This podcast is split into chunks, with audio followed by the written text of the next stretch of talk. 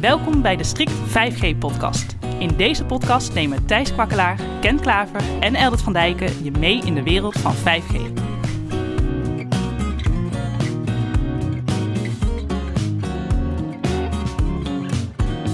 Dit is de Strict 5G-podcast. Ik ben Thijs. Ik ben Ken. En ik ben Eldert. In aflevering 8 van deze podcast hadden we het al over 3,5 gigahertz en waarom deze frequentie zo belangrijk is voor 5G.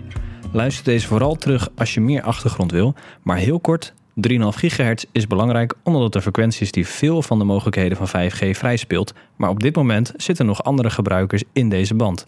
In deze aflevering gaan we in op heel recent nieuws, want er is uh, nieuws vanuit de overheid volgens mij. Dat klopt, er is een brief gestuurd naar de Tweede Kamer waarin de minister uh, eigenlijk op basis van het rapport wat we in de vorige podcast hebben besproken, gezegd heeft van nou, ik neem het rapport over en ik dank de heren voor hun werk. En we gaan uh, ervoor tekenen om een verdeling van de 3,5 gigahertz band te doen, waarbij de onderste 100 megahertz voor private netwerken is en de bovenste 300 megahertz voor mobiele operators, zodat die geveild kunnen worden, waarbij er een beperking blijft voor het deel van de frequentiegebied wat voor Inmarsat uh, nog beschikbaar moet zijn, wat rond de 80 megahertz uh, is op termijn. Dus uh, sowieso al goed nieuws dat er niet een uh, opdeling is van uh, de private band. Want dat was het eerdere plan natuurlijk. 50 megahertz aan de onder- en bovenkant. Klopt, ja. En de, de situatie met Inmarsat wordt dan snel opgelost? Nou ja, wat heet snel? Kijk, het hele grondstation moet natuurlijk verhuizen naar, naar Griekenland. Dat is het idee. Dus de lokale vergunningen en de hele procedure... dat zal best een nodige tijd in beslag nemen. En gedurende die periode blijft Inmarsat nog uh, een deel van die 3,5 gigahertz band bezet houden. En daarvoor is inderdaad in het hele spectrum een stukje van 80 megahertz ingeruimd. Waar ze in ieder geval nog een deel van hun noodcommunicatievoorzieningen kunnen blijven nou ja, toepassen zeg maar, voor hun klanten. En wat heeft dat voor impact uh, voor de 3,5 gigahertz band? Nou, dat nog niet de volledige 300 megahertz aan die mobiele operators kan worden toegekend tijdens de veiling. Dus die krijgen 300 min 80 is 220 megahertz te verdelen. Dus dat stuk zal inzet zijn van de, van de veiling in eerste instantie. Want die 80 megahertz zit een beetje daar precies tussenin. Ja, zit precies midden in het stukje uh, bovenin de band. Hè. Dus die 300 megahertz, uh, ja, dat maakt echt precies, zit er echt tussenin, die 80 megahertz, ja. En dan uh, private netwerken dus onder in de band. Wat zijn hier voor- of nadelen van? Ja, ik vind het heel jammer dat het dan toch anders is dan Duitsland. Hè? Ook in de vorige podcast hebben we ook geprobeerd om dat zoveel mogelijk gelijk te gaan maken. Heeft gewoon voordelen voor een hele hoop afstemming en uh, ook voor producten die je daarvoor kan regelen. Want dat, dat maakt de wereld gewoon het makkelijker dat je hetzelfde doet als Duitsland. Alleen in de tussentijd zeggen leveranciers al van ja, maar die producten die kunnen de hele band bestrijken. En het ecosysteem, dat is echt niet een issue. Dat was wel in de tijd dat er 4G-spullen in de 3,5 gigahertz band gingen. En ook de eerste generatie 5G-spullen hebben ook een keuze. Ook de, de zender die we bij Strict hebben, de Massive MIMO 5G in de 3,5 gigahertz band, moest je aangeven of die onderin of bovenin de band was. Dus de generatie van een paar jaar terug had nog niet die mogelijkheid. Dan moest je echt uitkiezen welke banddeel je voor koos. En de nieuwste generatie kunnen gewoon het hele spectrum bestrijken. Sowieso zeggen de, de fabrikanten al, sowieso de chips in toestellen kunnen de hele band aan. Maar het gaat dan puur over de zenders. Dat die nog niet voorheen de hele band konden en nu wel. En het andere lastige aan het feit dat het onderin de band zit, is dat je toch weer te maken hebt met publieke zenders in het buitenland die op datzelfde frequentiebereik zitten te zenden. En, en dat is ook gewoon een nadeel. Daar moet je veel meer mee rekening houden. Sowieso het feit dat je met anderen rekening moet houden, dat is iets wat je liever niet wil met de private band.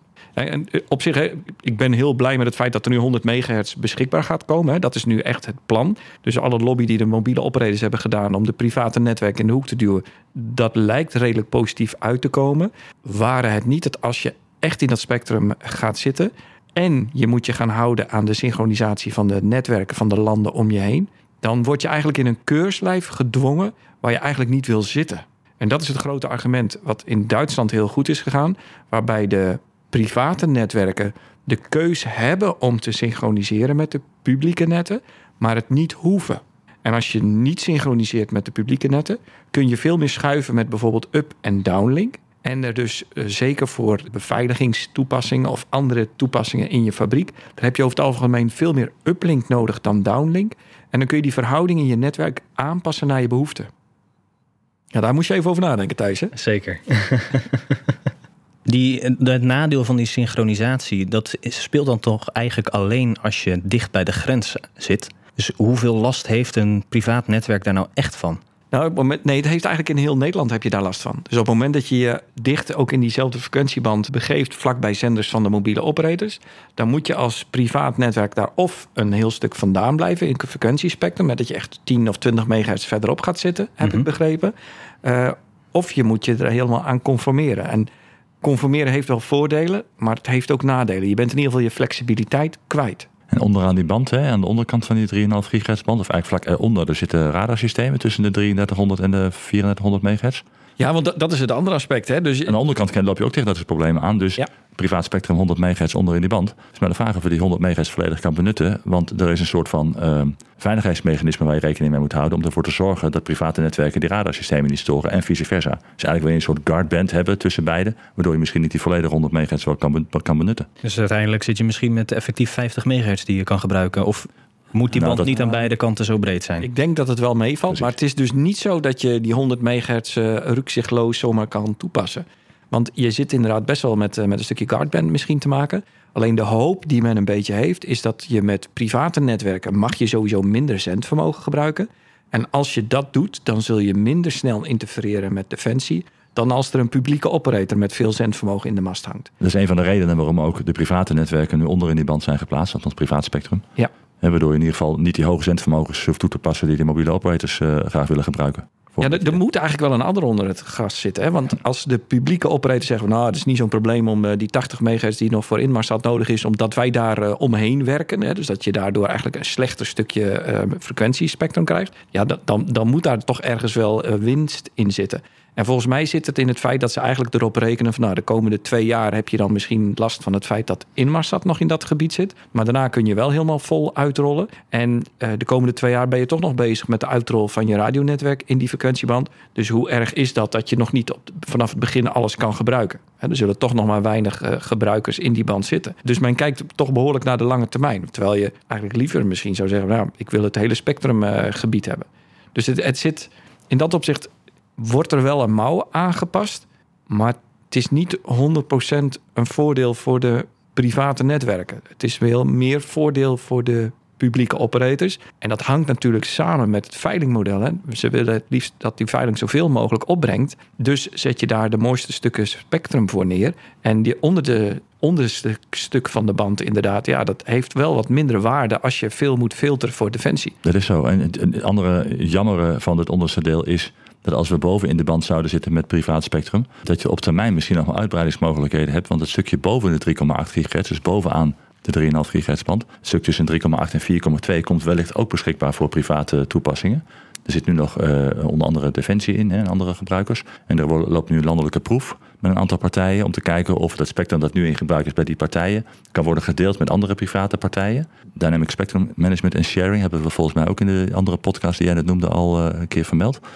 En als die proef succesvol is, dan heb je dus een extra stuk spectrum dat kan worden gebruikt dat je kan combineren met het bovenste stuk in de band, waardoor je eigenlijk nog veel breedbandigere toepassing kunt, uh, kunt uitrollen. Ja. Maar goed, daar is dus geen sprake van, althans in het huidige voorstel, want we gaan met privaat spectrum naar onder in de band. En er is nu een consultatie uh, gestart. En een van de documenten die daarbij zat, was van Dialogic, die een quickscan hebben gedaan, Ken. Ja, die hebben een, uh, de, de voor- en nadelen van onderin en bovenin de band naast elkaar gezet. En gekeken welke modellen er dan voor toepassing zijn, wat er nu voor applicaties zijn en dergelijke. Ik heb het kort bekeken, het is ook een quick scan. En het document is inderdaad gewoon via de, de veiling, of sorry, de consultatiewebsite te benaderen. En een van de argumenten die daar genoemd werd, is dat er iets met filtering. Uh... Ja, wat ze zeiden, als je onderin de band gaat zitten met je private spectrum, zit je inderdaad dicht tegen die radarband aan. En uh, moet je dus of een guardband in acht nemen, waardoor je dus wat afstand creëert. Of je moet uh, ja, vrij steile, scherpe filters uh, toepassen op de apparatuur in de private stuk. En die zijn vrij groot. Die zijn zelfs, maakt misschien de apparatuur wel twee keer zo groot als normaal in de mast. En dat zou het straatbeeld wellicht negatief beïnvloeden. Of de publieke opinie misschien wel negatief beïnvloeden en zo. Dus er worden allerlei argumenten bijgehaald. Stroomgebruik zou hoger zijn. Stroomgebruik zou ook een ding zijn. Hè? Want ja, door de zwaardere filters heb je behoorlijk wat vermogensverlies. Dus je moet er meer vermogen in pompen om er een beetje bereik te halen en zo. Dus uh, ja, allerlei argumenten worden eigenlijk bijgehaald om te kijken, om te aan te geven van ja, het is eigenlijk niet ideaal om onder in die band te gaan zitten. Terwijl mobiele operators met veel meer zendvermogen uh, natuurlijk daar kunnen gaan zitten. En uh, makkelijker die verliezen kunnen compenseren. Ja, nee, precies. Wat voor mij nog een beetje zit, is dat dat hele stuk rondom defensie. In de vorige podcast die we hier over dit onderwerp opnamen, wisten we niet dat het vooral betrof dat het radarsystemen waren van defensie. En het beeld wat ik heb, is dat die radarsystemen niet continu in gebruik zijn, maar alleen op bepaalde momenten in gebruik zijn. Als dat het geval is, heb je als private partij er natuurlijk minder last van. Maar het is wel onvoorspelbaar, het gebruik van defensie. En dan, dan is het wel veel lastiger om als publieke operator eh, daarmee om te gaan. Terwijl een privaat netwerk wat redelijk lokaal is, wat niet zoveel zendvermogen gebruikt, die zal veel minder snel een storingsbron zijn voor defensie, voor de ontvangst van hun radarsignalen. Dus ik, ik begrijp die keuze wel. Maar het is natuurlijk, ja, elke keer leren we weer wat meer over die band. Van ja, nee, dit kan niet. Waarom niet dan? Nou ja, uh, daar zit nog een partij. Oh, wie dan? Ja, Defensie. Oh, en wat doet hij dan? Ja, radar. Oh, oké. Nou, het, het, beeld wordt wel steeds completer gaandeweg. En we zien dat er heel veel ontwikkelingen zijn de laatste jaar rondom die frequentieband. Maar het is nog steeds niet helemaal duidelijk. Wat... Nou, je moet ook alle partijen, met alle partijen rekening houden. Je hebt natuurlijk zoveel veel partijen in nou, het huidige bandje. Al zitten al een heleboel private licenties. Keer hebben we gezegd iets van, van 150 gebruikers die momenteel al licenties hebben. Die al dan niet dit jaar of in 2026 aflopen. Je hebt natuurlijk Defensie, uh, je hebt allerlei andere partijen. De mobiele operators die daar wat willen. Die moeten allemaal een plekje krijgen in het spectrum. En dan heb je nog de migratie van, van de dienst van Inmarsat. Die natuurlijk naar Griekenland gaat verhuizen. Ja. Dus er komt ook uh, in, het, in het plan is er sprake van een soort van exclusiezone rondom Buren, hè, waar het grondstation dan staat. Dus dat betekent dat je in een straal van 15 kilometer rondom Buren, dat je daar geen 5G-achtige diensten kunt deployen op die frequentie. Ja, dat zijn allemaal beperkingen waar je dus uh, tegenaan loopt als je zo'n bandplan in elkaar moet sleutelen. En volgens mij valt die beperking wel redelijk mee. Wat ik gezien heb, is dat je daarmee nog net buiten het gebied van Leeuwarden en Groningen blijft. Dus het is echt landelijk gebied. Het is landelijk gebied, dat is waar. Dat, dat, dat scheelt natuurlijk wel. En wat ik wel begreep is dat mobiele operators echt wel staan te trappelen om die 3,5 gigahertz band uit te rollen. Hè, om echte 5G-diensten te lanceren. En zeker als je ook op de wat langere termijn kijkt, is dat uh, over een paar jaar is die 3,5 gigahertz band echt nodig voor de capaciteitsgroei en, en, de behoefte aan data die we met z'n allen hebben. Dus in dat opzicht zijn mobiele operators toch wel echt keen om daar nu uh, de uitrol van te starten. Dus dat vind ik heel positief. Maar tegelijkertijd denk ik dat dat vooral zal gebeuren in drukke gebieden. Dus een stad als Leeuwarden en Groningen zullen vast een 3,5 gigahertz krijgen. Tenminste, dat hoop ik echt wel. En dat je dat in het buitengebied, eh, in de dorpen, nog niet kan toepassen. Waarschijnlijk zijn er genoeg andere frequentiebanden om voldoende capaciteit te bieden. Ja, vroeger werd nog gezegd van misschien een landelijk gebied als je nog fix wireless access hebt om, om huizen te ontsluiten of woningen te ontsluiten die geen glasvezel hebben of koper, maar met het ja, de huidige glasvezel aanbod, ook de nieuwe operators, is eigenlijk dat niet meer een argument en wordt uh, 3,5 gigahertz vooral voor andere toepassingen gebruikt dan voor het ontsluiten van woningen zeg maar, met, uh, met, met high-speed internet. Klopt, ja, en zeker ook in eh, dat gebied in Friesland en Groningen weet ik dat er ook in de buitengebieden druk met glasvezel uh, wordt uitgerold. Dus dat hoeft inderdaad niet zo snel een beperking te zijn. Er zit er dan toch wel een soort beperking op als we gaan richting de veiling. Uh, zijn de operators wel blij met het voorgenomen plan nu? Dat beeld heb ik wel. Zij zitten veel meer te kijken van nou, laten we eindelijk alsjeblieft die veiling door laten gaan, dat we die band kunnen gaan gebruiken. En als we dan nog niet alle megahertz in het begin kunnen gebruiken vanwege Inmarsat, zien we niet echt als een groot issue. Dus die willen wel heel graag door, uh, is het idee wat ik heb. Dus uiteindelijk wordt die belofte vanuit de EU uh, die uh, gedaan is. Hè, vanaf 2020 moeten alle lidstaten 5G hebben geïmplementeerd. Ja, 700 megahertz staat natuurlijk al een tijdje. Hè. Dus er wordt best wel 5G al gedaan. Maar het biedt, zoals jij vorige keer al een keer hebt uitgelegd, nauwelijks snelheidsvoordelen voor de consument. En met 3,5 gigahertz komt natuurlijk de echte bandbreedte beschikbaar. Dus iedereen wil het wel graag, graag uitrollen. Ja, wat ik vanochtend ook hoorde, een mooie uitspraak, dat ze zeiden 5G is een marathon, het is niet een sprint. En denk ik, ja, dat is wel iets goeds om in de oren te knopen. Hè? Dus we kijken heel erg naar waarom hebben we die 3,5 gigahertz band nog niet. Alleen de komende 10 jaar zal 5G een hele belangrijke radiotechnologie zijn voor allerlei vormen van connectiviteit. Niet alleen voor onze smartphone, maar ook voor IoT, voor allerlei uh, toepassingen rondom slimme auto's. En uh, in, toegepast in fabrieken en in industriële IoT, zeg maar. En daarvoor is die 3,5 gigahertz band cruciaal. En laten we daarom veel meer kijken naar het lange termijn perspectief dan dat we zeggen, ja, balen dat we het nu niet hebben. En, en ik blijf daarom balen, maar tegelijkertijd iets van de lange adem. Hè. We gaan er nog heel veel jaren plezier van hebben als het goed is. Het heeft natuurlijk ook tijd nodig om een ecosysteem daaromheen te bouwen. Dat je ook echt werkelijk die toepassingen kan gebruiken die, die je kan gebruiken met de uitrol van 3,5 gigahertz. Klopt. En misschien ook wel een onderwerp voor de toekomst, uh, poneer ik hier nu maar gelijk. Uh, voor satelliettoegang en de ontwikkelingen daarvan. Daar wordt nu ook heel erg naar gekeken. En zeker als je kijkt naar satelliettoepassingen, ja, iets wat je de ruimte instuurt, dat moet heel veel jaren blijven draaien. Dat is niet voor een paar jaar, dat is al gauw voor 10 of 15 jaar. Dus dat is denk ik ook uh, ja, wel iets om, om gewoon dat lange termijn perspectief vast te houden. Ja, wat ik in de stukken lees is dat de huidige vergunning, hè, de veiling zal dit jaar dan zijn, waarbij het streven is om per 1 december 23 dat spectrum beschikbaar te hebben. Zou de veiling dit jaar zijn of Q2 volgend jaar? Q, oh, zei ik dat? Q2 volgend jaar. Ja, dus volgend jaar was de veiling. Volgend jaar de veiling. Maar de streven is wel om per december 23 dat het spectrum beschikbaar te hebben. En dan zou het vergund worden voor, voor 17 jaar, waarmee de looptijd van alle vergunningen voor mobiele communicatie eigenlijk gelijk getrokken worden. En op enig moment, dus over, nou, laten we zeggen over 16 jaar of zo, met z'n allen weer opnieuw vergund of, of verlengd zouden kunnen worden. Tegen het jaar 2040. Exact. Ja, dan, dan zitten we al lang met 6G eh, te maken. Dus toch lange termijn. Ja. We hebben net Duitsland al benoemd als een mogelijk issue voor de private gebruiker en de synchronisatie daarmee. Omdat uh, Duitsland eigenlijk net het andersom heeft in wat voor de private gebruiker is en wat voor de operator. Uh, maar valt er ook iets te zeggen over België en Frankrijk? Want nou ja, op de schaal waarin je kan zenden, ligt dat ook in de buurt. Klopt. En dat is ook wel een beetje een punt. Um, er is ook een grote organisatie, of niet een grote, maar er is in ieder geval een Europese brede organisatie druk bezig om de belangen van de private netwerken te behartigen. En er ook voor te proberen die in elk land op een bepaalde manier gelijk te trekken. En Strict is daar ook een van de, van de founding partners van. Um, waarbij ook heel duidelijk gekeken wordt naar hoe kunnen we ervoor zorgen dat het ecosysteem verder groeit en zaken worden afgestemd binnen Europa tussen landen. En dan blijkt ook wel dat het private frequentiegebied voor private netwerken heel divers is geregeld in de verschillende landen. En dat zorgt ook voor dat dat ja, qua ontwikkeling in Europa veel beter zou kunnen als het allemaal veel duidelijker was en in elk land hetzelfde. Want dat is absoluut nog niet het geval. En daarnaast is ook nog eens een keer de synchronisatie tussen die publieke netten is ook nog heel divers. Dus Nederland is goed gesynchroniseerd met Duitsland en Nederland is gesynchroniseerd met België. Alleen Frankrijk wijkt daar weer van af. En dat is dan misschien typisch weer iets Frans. Hè? Die doen het liefst toch al het dingen op hun eigen manier. Maar dat zorgt er bijvoorbeeld ook voor dat uh, in dat prachtige vakantiegebied uh, de Elzas, op de grens tussen Frankrijk en Duitsland, waar altijd al veel hommeles uh, is geweest, is ook een groot gebied waar ze qua interferentie echt rekening met elkaar moeten houden. Dus in dat grensgebied moeten ze ook echt een guardband in, in oog nemen en, en een gedeelte niet uitzenden. Vanwege het feit dat je anders gewoon de, de, landen aan de andere kant of de netten aan de andere kant van de grens totaal verstoort. En zo'n guardband, we, we noemden het al een paar keer. Hoe groot is dat en hoeveel impact heeft dat dan ook op jouw snelheden en uh, capaciteit van je netwerk?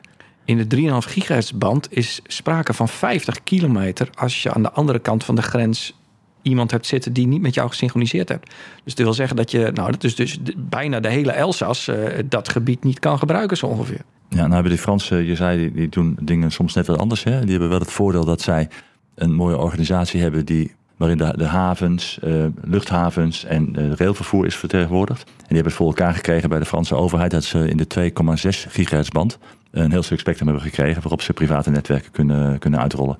En onder andere Franse luchthavens zijn bezig om daar een uh, privaat netwerk voor uit te rollen. Agur heet dat. Agur heet het, ja, ja, klopt. Ja, eigenlijk een lobbyorganisatie um, richting de, de Franse overheid. Een, een, rol die onder andere in Nederland de BTG zou kunnen vervullen. Uh, en, en, ook vervuld hè, als spreekbuis namens uh, de Nederlandse industrie onder andere. Richting de overheid. Nou, die hebben dus, nou, ik denk twee jaar geleden of zo, hebben die 2,6 gigahertz beschikbaar gekregen. Ja. En daar kan je mooie dingen mee doen. Er is natuurlijk een, een bestaand ecosysteem van alle devices die er natuurlijk gewoon op draaien. En apparatuur, zendapparatuur die je gewoon kan verkrijgen. Dus uh, wat dat betreft heeft Frankrijk wel weer een uh, bijzondere positie. En een koploperpositie op dit moment in private netwerken. Absoluut. En een paar maanden geleden was er ook een event in Frankrijk rondom private netwerken. En er waren, naar ik begreep, tientallen leveranciers bij aanwezig die allemaal of netwerken konden bouwen of de componenten daarvan. En dan zie je ook hoe belangrijk zo'n ecosysteem is. Want de ontwikkelingen in Frankrijk zijn in dat opzicht uh, zijn heel positief. Overigens, die organisatie die Europees breed de zaken probeert te regelen is uh. We zullen het ook opnemen in de show notes voor mensen die daar uh, iets meer uh, van terug willen vinden. En dat is echt een organisatie die erop gericht is om kennis en kunde rondom private netwerken binnen Europa verder te verspreiden. We hebben het nu veel gehad over private netwerken, maar hoe krijg je zo'n private netwerk? Ja, nou daar wil ik wel iets over zeggen. Je moet natuurlijk uh, weten wat je ermee wilt, toepassingen bedenken. Of eigenlijk zijn toepassingen meestal de driver voor het aanvragen van, uh, van uh, privaat spectrum ook met name. Want voor netwerk heb je mobiel spectrum nodig, privaat spectrum nodig. En het grappige is dat ik al heel lang organisaties help bij aanvragen van frequenties voor alle mobiele netten. Uh, maar deze was voor een van de klanten, uh, die wilde dat op 3,5 gigahertz doen. En uh, ja, op dit moment zijn we natuurlijk aanlopend tegen nieuw spectrum. Maar dat was in de tijd dat er nog gewoon licenties werden uitgegeven. En dan valt je eigenlijk op wat voor administratieve brei je door moet voordat je eindelijk die vergunning hebt. Je moet opgeven wat het merk en type is van de apparatuur. Wat de bandbreedte is die je denkt te gaan toepassen. Voor welke toepassing je gaat gebruiken. Hoeveel mobiele devices. antenne-richtingen, antenne-types. Enorm formulier eigenlijk wat je moet invullen. Afstraalpatroon van Afstraalpatroon van de antennes, horizontaal, verticaal, welke tilt je gaat toepassen, noem maar, ook, noem maar op. En ja, goed, je moet natuurlijk rekening houden met andere private netwerken in de omgeving. Dat wisten wij natuurlijk niet, want we weten alleen agentschap Telecom. Dus dan krijg je feedback van ja, maar je moet rekening houden met die andere organisatie die op 20 kilometer zit. Ja, die heeft al een netwerk in gebruik. Daar moet je dus afspraken mee gaan maken. Nou ja, voor deze klant was dat niet echt een, een optie, want die wilde het echt voor bepaalde toepassingen gebruiken en niet afhankelijk zijn van netwerken van derden. Dus ja, zo, zo krijg je steeds meer inzicht. Het is een proces waar je begint met het invullen van zo'n formulier. En dan zie je waar je allemaal tegenaan loopt en welke gegevens je nog nodig hebt. Dus ja, heel leerzaam ook. En ja, daar helpen we natuurlijk ook graag klanten bij. Dit was voor jou een echte de eerste keer dat. Dat was de eerste keer dat frequentie aanvragen in de 3,5 gigahertz, ja. maar het is best wel pittig. Het proces is voor een doorsnee uh, IT'er, is, is dit echt te lastig? Is het, is, mijn... het is vrij specialistisch, ja. Je hebt er echt een radio specialist zeg maar, bij nodig. Of hulp van een leverancier die zegt... nou, ik ga dit type antennes en hier heb je alle documentatie... die moet je meesturen. Als je dat niet eh, de juiste hulp bij krijgt... kun je over het algemeen de vragen niet beantwoorden... die in het formulier staan. Als voorbeeld, uh, welke bandbreedte denk je te gaan toepassen? Hoe, hoe, hoe regel je dat in? Ja, zeg het maar. Het hangt natuurlijk af van de applicaties die je gaat toepassen, wat hun bandbreedteverbruik is. Ja, dan dus, moet je aan de applicatieontwikkelaar gaan vragen. Exact, dus je komt met iedereen in gesprek. Uiteindelijk heb je, denk, denk je, genoeg gegevens om het in te vullen. Vul je het in, ja, dan krijg je de volgende hoorde weer. Het is een heel proces. Zou dat beter worden als we straks naar uh, private netwerken in de 3,5 gigahertz band gaan? Nou, je blijft dus toch met synchronisatie zitten en in te, in te zetten apparatuur. Daar zal agentschap Telecom toch naar kijken, denk ik. Dus dat soort dingen blijft wel nodig. Aan de andere kant, als we natuurlijk heel veel private netwerken verwachten meer dan nu wellicht. Dan zou je voor pleiten om het proces wat te stroomlijnen en wat eenvoudiger te maken. Zoals het op de 1800 is, waar je vroeger nou een meldplicht had. En tegenwoordig uh, eigenlijk, ja. uh, zolang je maar aan de regels houdt, uh, het helemaal geen issue is. Er is in elk geval licht aan het einde van de tunnel. De veiling is gepland en nou, binnenkort hebben we dus ook 3,5 gigahertz die voor de operators beschikbaar is. Operators blij. En ook nog eens 100 megahertz. Oh, oh ja, je bent wel een beetje optimistisch, Thijs. Ik weet wel dat je het graag wil afronden. Maar dit is uh, wat nu gestart is, is een brief naar de Kamer. Daar is nu een uh, consultatie op gestart. Die moet inderdaad deze zomer worden afgerond. 15 juli. Wordt het uh, beleid vastgesteld. En op het moment dat dat is gedaan en een nieuw frequentieplan, dan pas kunnen we er echt van uitgaan van, hey, kijk, nu is het goed geregeld. We gaan naar een veiling en we gaan naar die 3,5 gigahertz. En het ligt wel in de lijn der verwachting. Maar we zijn er nog niet. Ik denk dat we na de zomer nog een keer een podcast over dit onderwerp kunnen doen en de laatste ontwikkelingen behandelen. Dus blijf luisteren. Dit was de Strict 5G podcast met Eldert, Ken en Thijs. Abonneer je op de podcast zodat je direct weet wanneer er weer een nieuwe aflevering is. En laat ons ook vooral weten wat je ervan vond.